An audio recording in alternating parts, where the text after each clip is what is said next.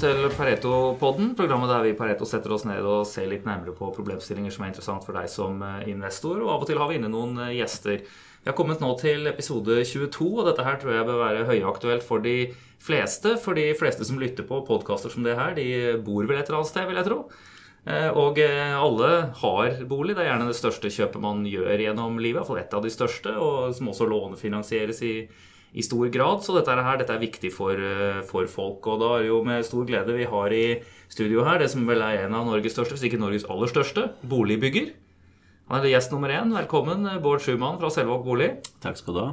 Vi har også med oss Fredrik Steinslien, som er vår analytiker som følger uh, Selvåg bolig som eh, fra analysesiden. Egentlig så får vi sett litt på det på, på begge sider her. Sånn. Men uh, det, det, dette er jo et interessant selskap. Jeg har drevet litt research nå i uh, forkant og sett her altså, Det ble startet av Olav Selvåg. dette var rett etter krigen. Han var en visjonær innenfor bygging av ferdighus, eller innføring av egentlig det begrepet i, i Norge. Ble jo bygget det hus som jo har blitt freda, står oppe på Ekeberg her, Ekeberghuset. Det ble jo da bygget i 1948 til tre ganger raskere og til en tredel av prisen som det den gangen var vanlig ikke sant, for en, normal eh, bolig. Så fortsatte det utover 50-tallet med bygging av første drabantbyen i Norge, Veitvet.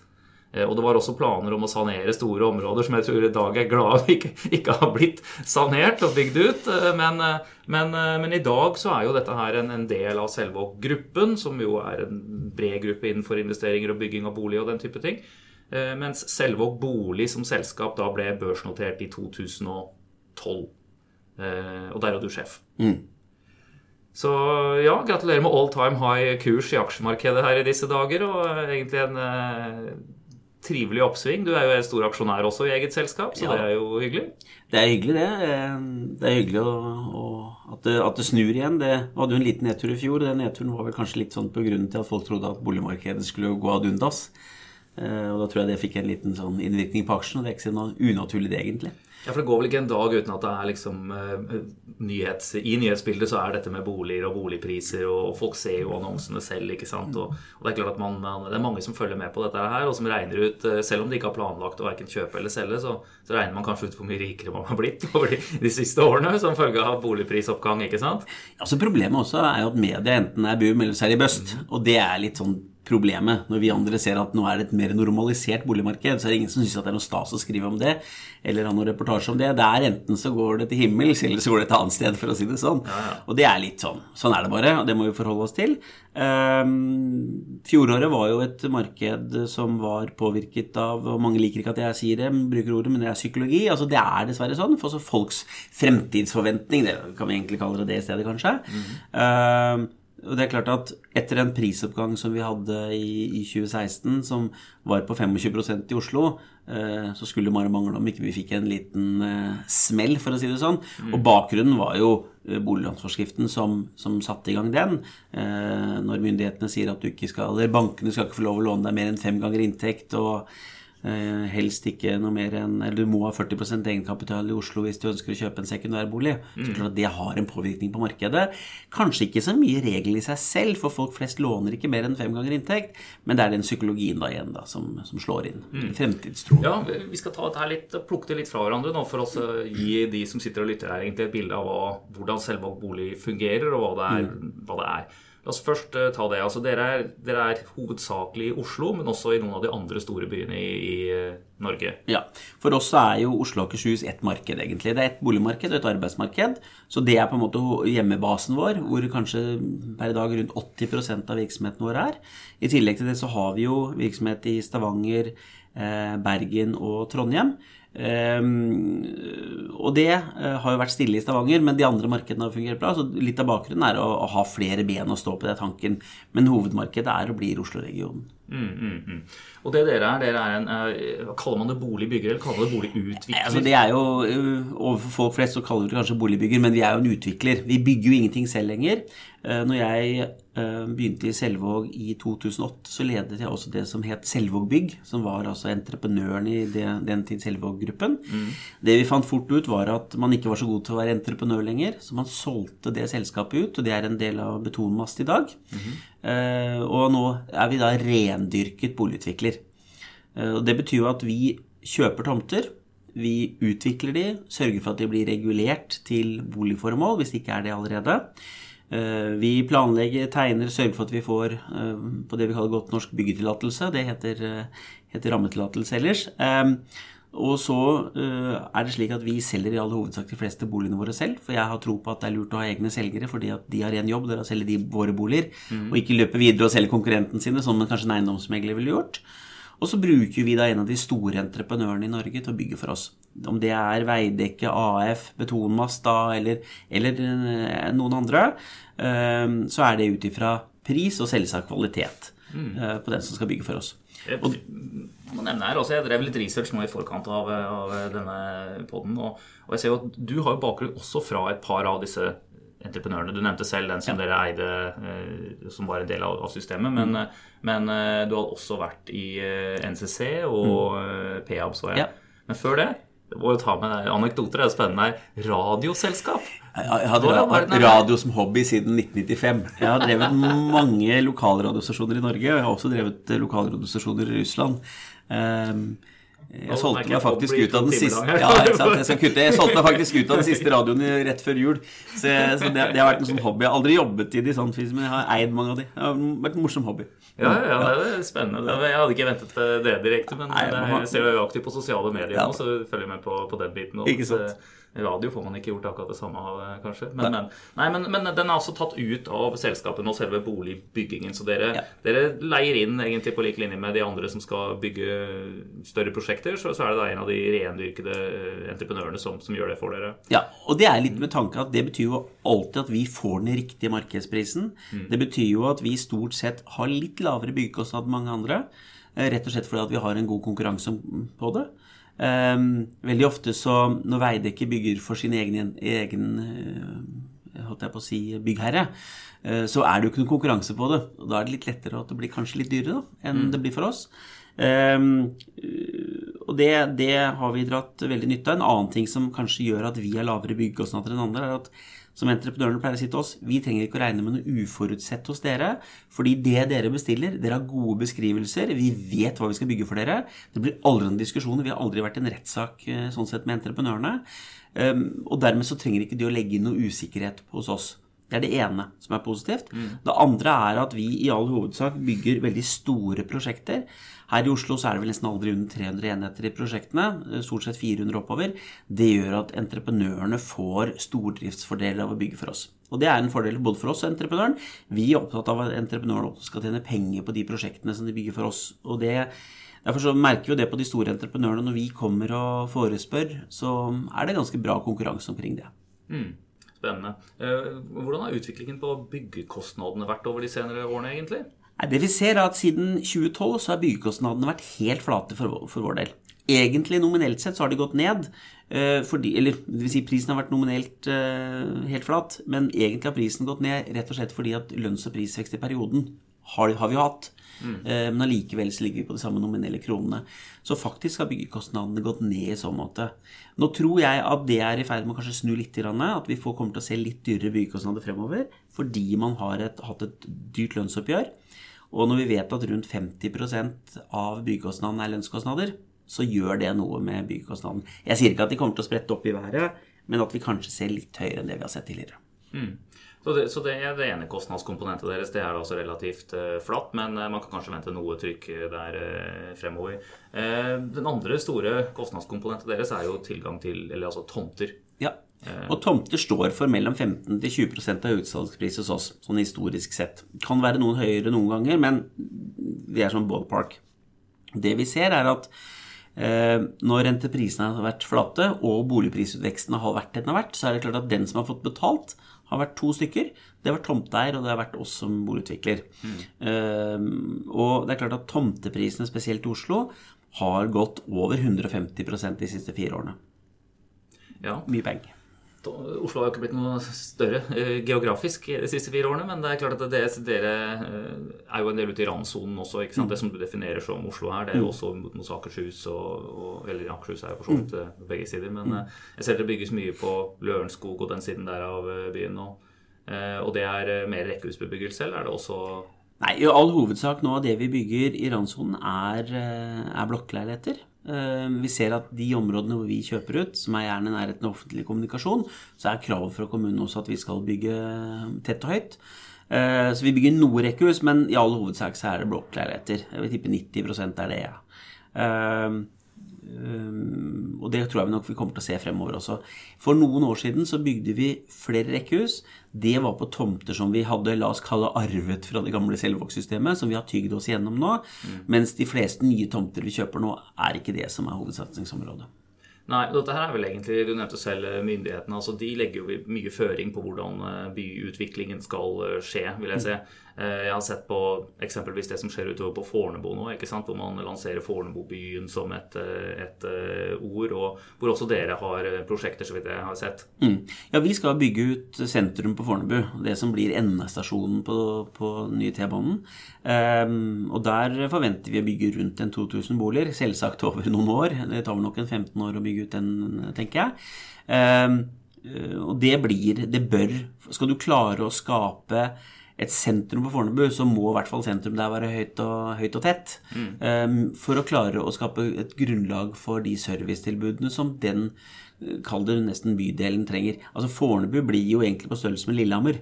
Uh, og vi vet hvor mye butikker og sånn det er Lillehammer sentrum. Uh, og dermed så, så, er det ikke bare bolig vi kommer til å bygge, men, uh, men alle mulige sentrumsfunksjoner eller byfunksjoner. Ja, Nå sitter det jo en fra Lillehammer her også rundt bordet, som kommer nok til ordet litt mer etter hvert. Men eh, det vi belyser nå, er jo de ulike bitene i, i puslespillet egentlig som man som investor må, må se for seg. Altså Du har, du har tomteprisene, som eh, også er en input-pris for dere. Mm. Man har byggekostnaden. Eh, og så har du selve salgsprosessen. Kan du fortelle litt om det? Altså Hvor mye er det dere har solgt på forhånd før mm. dere setter i gang? Hvordan pågår dette her gjennom prosjektene deres sin, sin levetid? før det overleveres kunden? Hvis vi tar utgangspunkt i et typisk Oslo-prosjekt som vi kjørt i disse dager, på 400 enheter, så legger vi kanskje ut en 50 leiligheter i første salgstid. 50-100 leiligheter. Eh, og så er det slik at vi skal alltid ha solgt 60% av et byggetrinn før vi begynner å bygge det. Det er en avtale vi har med banken for å ta minst mulig risiko, egentlig. Eh, og så er det jo slik som man leser ofte i aviser at hurra, hurra, sier mange utbyggere. Vi solgte 100 leiligheter på en helg. Mm. Eh, da sitter jeg meg ned og gråter hvis så skjer, for da har du solgt for billig. Vi har en strategi som tilsier at vi gjerne skal ha solgt en 30% av første byggetrinn i løpet av den første uka. Og så skal vi bruke gjerne en to til tre måneder og selge opp til 60 Da har vi truffet det optimale, fordi da har vi fått den riktige prisen for prosjektet. Um, og så har vi en strategi som gjør at vi, når vi ser at da interessen er for stor, så øker vi prisene. Uh, og da de siste 40% som vi skal bygge, etter at vi har kommet til, til 60% da skrur vi opp prisen underveis. Uh, siste leilighet skal helst være solgt uka før uh, byggeprosjektet står ferdig. Og det skal være den dyreste? Det, nei, ja, det skal helst være den dyreste. Og, og vi, vi, ser jo det på Løren. Et prosjekt der startet vi å selge på snitt på 3-54. Snittet nå er vel på ca. 80, ikke sant. Så mm. det blir mye penger ut av det. Og når du vet da at du har låst inn uh, byggekostnaden din, så er det jo, og, og tomtekostnaden din, som er de to største elementene, så er det jo ren profitt til boligutvikleren. Mm. Og der tror jeg det er en av grunnene til at selve bolig leverer bedre resultater enn de fleste andre. Vi ligger jo stort sett med dobbelt så høye marginer som konkurrentene, og det er bakgrunnen for at vi har valgt den strategien vi har valgt. Og Det betyr at vi bruker litt tid på å selge, selge oss gjennom prosjektet, eh, men i et normalt fint boligmarked så er det greit. Og er det slik at boligmarkedet etter de første leilighetene skulle stoppe opp, dvs. Si vi ikke selger de boligene, ja da får vi heller vente til markedet er tilbake. Mm. Det er jo en, en, viss logikk også sett fra kjøpers side her på at er man tidlig inne i et prosjekt og vet at ok, denne leiligheten får du om to år, liksom, så betaler man litt mindre enn en som kommer inn og kan få den uh, om en uke, eller uh, bare noe det korteste kan. Det er riktig, det. Mm. Og det er jo veldig smart. Altså, vi skal, no, hver gang vi starter på nye store, store, boligprosjekter, så er det lurt å kjøpe de første 100, for å si det sånn. Ja. For det er klart at det er en god pris. Og det har noe med at man skal sette et nytt prosjekt også. Um, og de får ofte en belønning, de som er tidlig ute. Ja, da fikk dere det tipset, de som lytter til dette her, når dere ser noen annonser ligge, ligge ute i, igjen. Uh, ja, uh, så du, du, du, kan til en viss grad styre liksom hastigheten du ferdigstiller det i. Mm. Uh, men um, hvor forskjellige, hvor store svingninger er det liksom antall totale enheter dere leverer gjennom åra? For jeg vil jo si liksom når det gjelder deres omsetning, da, så skal jo det være da antall enheter ganger brutto salgspris mm. per enhet, eller mm. snitt, snitt salgspris per enhet. Mm. Eh, og der er det jo to uh, ting man kan følge med på prisen, den har vi snakket litt om. Men uh, når det gjelder liksom antallet Hva vil du si om det? Nei, nå, nå tror jeg vi skal kan vi si at vi begynner å legge oss på et ganske stabilt nivå nå. Og det er rundt 800-850 de neste par årene. Og så er jo målet vårt at vi skal øke den oppover til 1000 i første runde, og så 1200 etter hvert. Det forutsetter jo at salget er At det ligger ganske stabilt. Nå solgte vi netto i overkant av 1000 boliger i i 2016. I fjor så solgte vi i overkant av 700 boliger, altså rundt 30% ned. Hvis du ser på bruttotallene våre, så ligger de litt høyere enn 100-150 boliger ekstra på toppen av det. Fordi vi har noen prosjekter med partner osv. Derfor jeg snakker om brutto- og nettotall. Mm. Um, så salgstallene våre kan svinge litt. Det betyr jo også at overleveringer noen år frem i tid kan svinge. Uh, hvis man Gitt at man ikke har for lange stopp i salget, så er det ikke sikkert at det påvirker så mye allikevel. Ehm, rett og slett for at eh, har man eh, tre-fire måneder med dårlig salg, så trenger ikke det nødvendigvis å påvirke ferdigstillelsen to-tre år frem i tid. Det klarer du å ta inn igjen, for å si det sånn. Men blir det stille et års tid, så er det klart at det vil påvirke overleveringene lenger ut i tid. Da, ja, for da vil du kanskje igangsette mindre? rett og slett? Da igangsetter du mindre, rett og slett. Ja, og det er jo klart at så lenge det er slik at det er markedet som bestemmer hva vi bygger, eh, så justerer det der seg selv. Det har jo en effekt også. I det øyeblikket det blir færre igangsettinger, så har jo den påvirkningen på markedet om at de boligene da, som er, da er til salgs, blir dyrere igjen. Så det er jo en tilbud-etterspørselssak. Mm. Um, ja. Ja, for Dette er jo et ganske transparent eh, marked som sagt, som følges eh, av, eh, av mange. Men dere har da ganske god visibilitet. Altså rett og slett en stor prosentandel av salget ditt er allerede solgt liksom, i de nærmeste måneder og, og, år, egentlig? Ja, Hvis vi ser på hva vi har eh, per i dag, så er jo eh, Ved utgangen av Q1 så var 88% av det vi skal ferdigstille i år, allerede solgt. Eh, nå er vi godt inne i Q2, og uh, nå ligger vi oppe på 90-tallet et eller annet sted. og det er sånn normalt det vi skal ligge på. Hvis vi ser på totalporteføljen vår, som er 1511 boliger netto under, under, bygging, til en verdi av rundt 7 milliarder, så er 73% av det solgt. Det vil si en høy andel i år, litt færre neste år, selvsagt, mm. og da enda færre i, i 2020. Mm. Um, og så er det jo slik Det som kanskje er en liten, liten utfordring med å følge oss, er at det hopper og spretter litt fra kvartal til kvartal i forhold til overleveringer. I første kvartal i år så overleverte vi 59 enheter. Igangsatte 102, var det vel, eller noe sånt nå. Ehm, vi overleverer rundt 240 enheter i Q2. Så er vi nede på 50-tallet igjen, hvis jeg husker feil, i Q3. Og så overleverer vi over 500 enheter i Q4 i år. Så det, sant, det hopper og spretter fra kvartal til kvartal. Ja. Så hvis man skal anbefale, så bør man kanskje se på hvordan tror man året 2018 blir under ett. Da overleverer vi altså 854 boliger. Um, som er et bra tall. Mm. Det man også kan gjøre da, er jo å se at når solgte man disse boligene? Det var jo det var på slutten av 2015 og inn i 2016, hvor man vet at det var en ganske bra prisvekst. Og så blir det å se på de marginene vi rapporterer på til enhver tid. Altså sånn ja. Og da vet man at stort sett så har marginbildet på selskapsnivå hos oss vært på en 20-22 Mm. Det kan være et sånt fair utgangspunkt å ta. Så har man litt å regne på der. Ja, det, det, er, det er forhold, som du sier, altså det, er, det, er, forholdsvis transparent. Mm. Det er jo egentlig det, du ender opp med, er er det noen spesielle engangseffekter som måtte komme, som er helt umulig å regne på? Det, det, vet, vet, jo knapt nok vi når det kommer. Ja, ja. Eh, og så er det hvilken margin tror du på.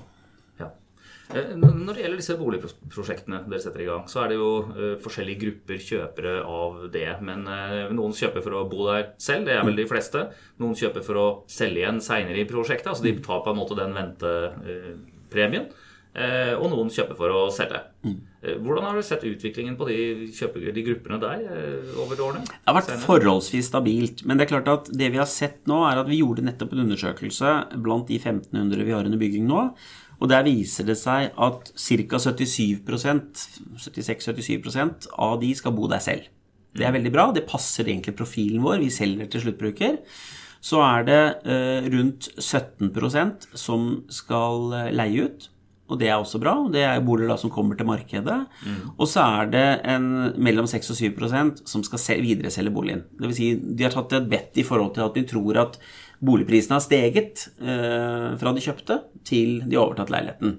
Så det er på en måte fordelingen. Og det- det var en gruppe som var noe høyere før, før disse siste kravene til egenkapital og sånn kom inn eh, for myndighetene, stemmer ikke det? Altså, Nei. snakk om det? Egentlig ikke. Det vi, det vi har sett, da, er at tidligere så har vi sagt at rundt 20 ikke skal bo der selv. Altså, mm, og det betyr at vi har sagt at 10% skulle leie ut, og 10% skulle selge.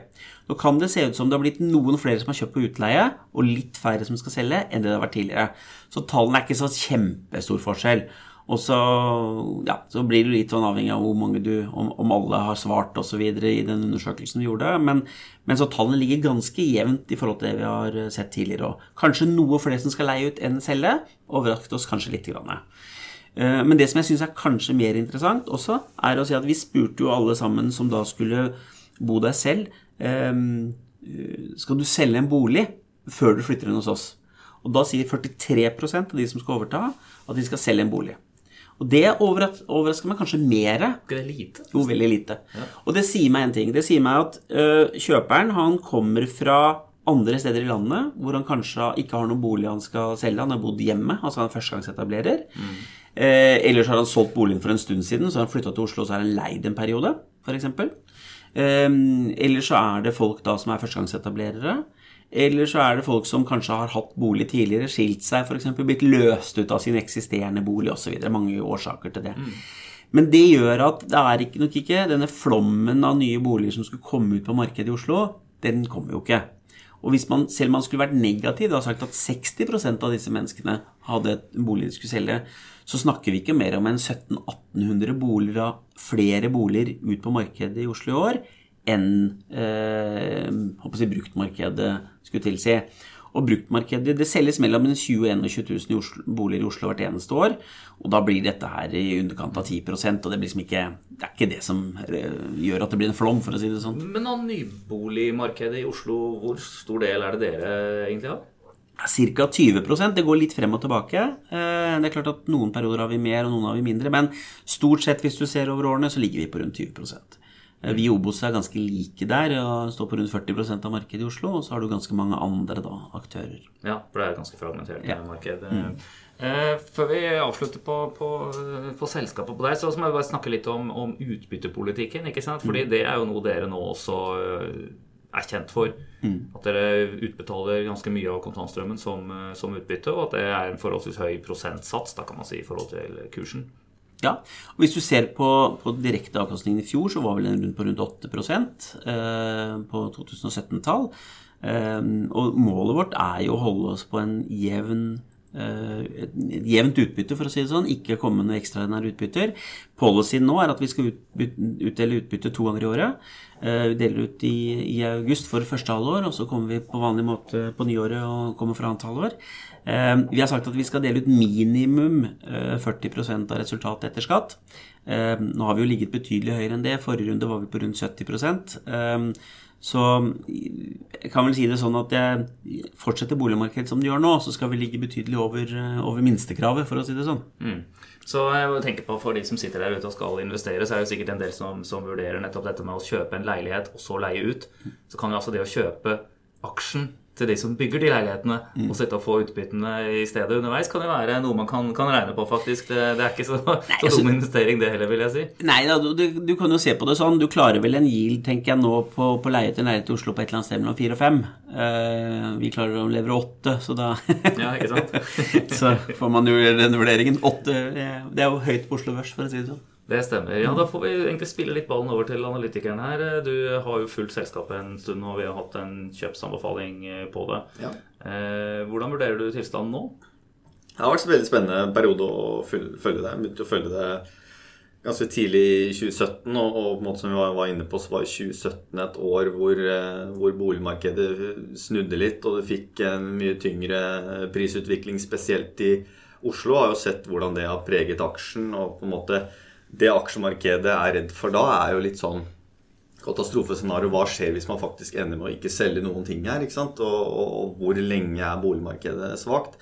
Det er jo det aksjemarkedet tenker mye på. Og, og det som imponerte meg gjennom denne perioden her, var jo at selskapet klarte faktisk å, å selge ca. 170 boliger per hvert eneste eh, kvartal. Riktignok eh, en god del av det utenfor Oslo, men viser også at de har en, en del bein å stå på, og klarte å ha et godt salg til tross for at eh, markedet gjennom 2017 var svakt. Eh, og inn nå i 2018 så har jo kursen vært veldig, veldig solid. Og vi så jo også salget for Q1 var eh, bra.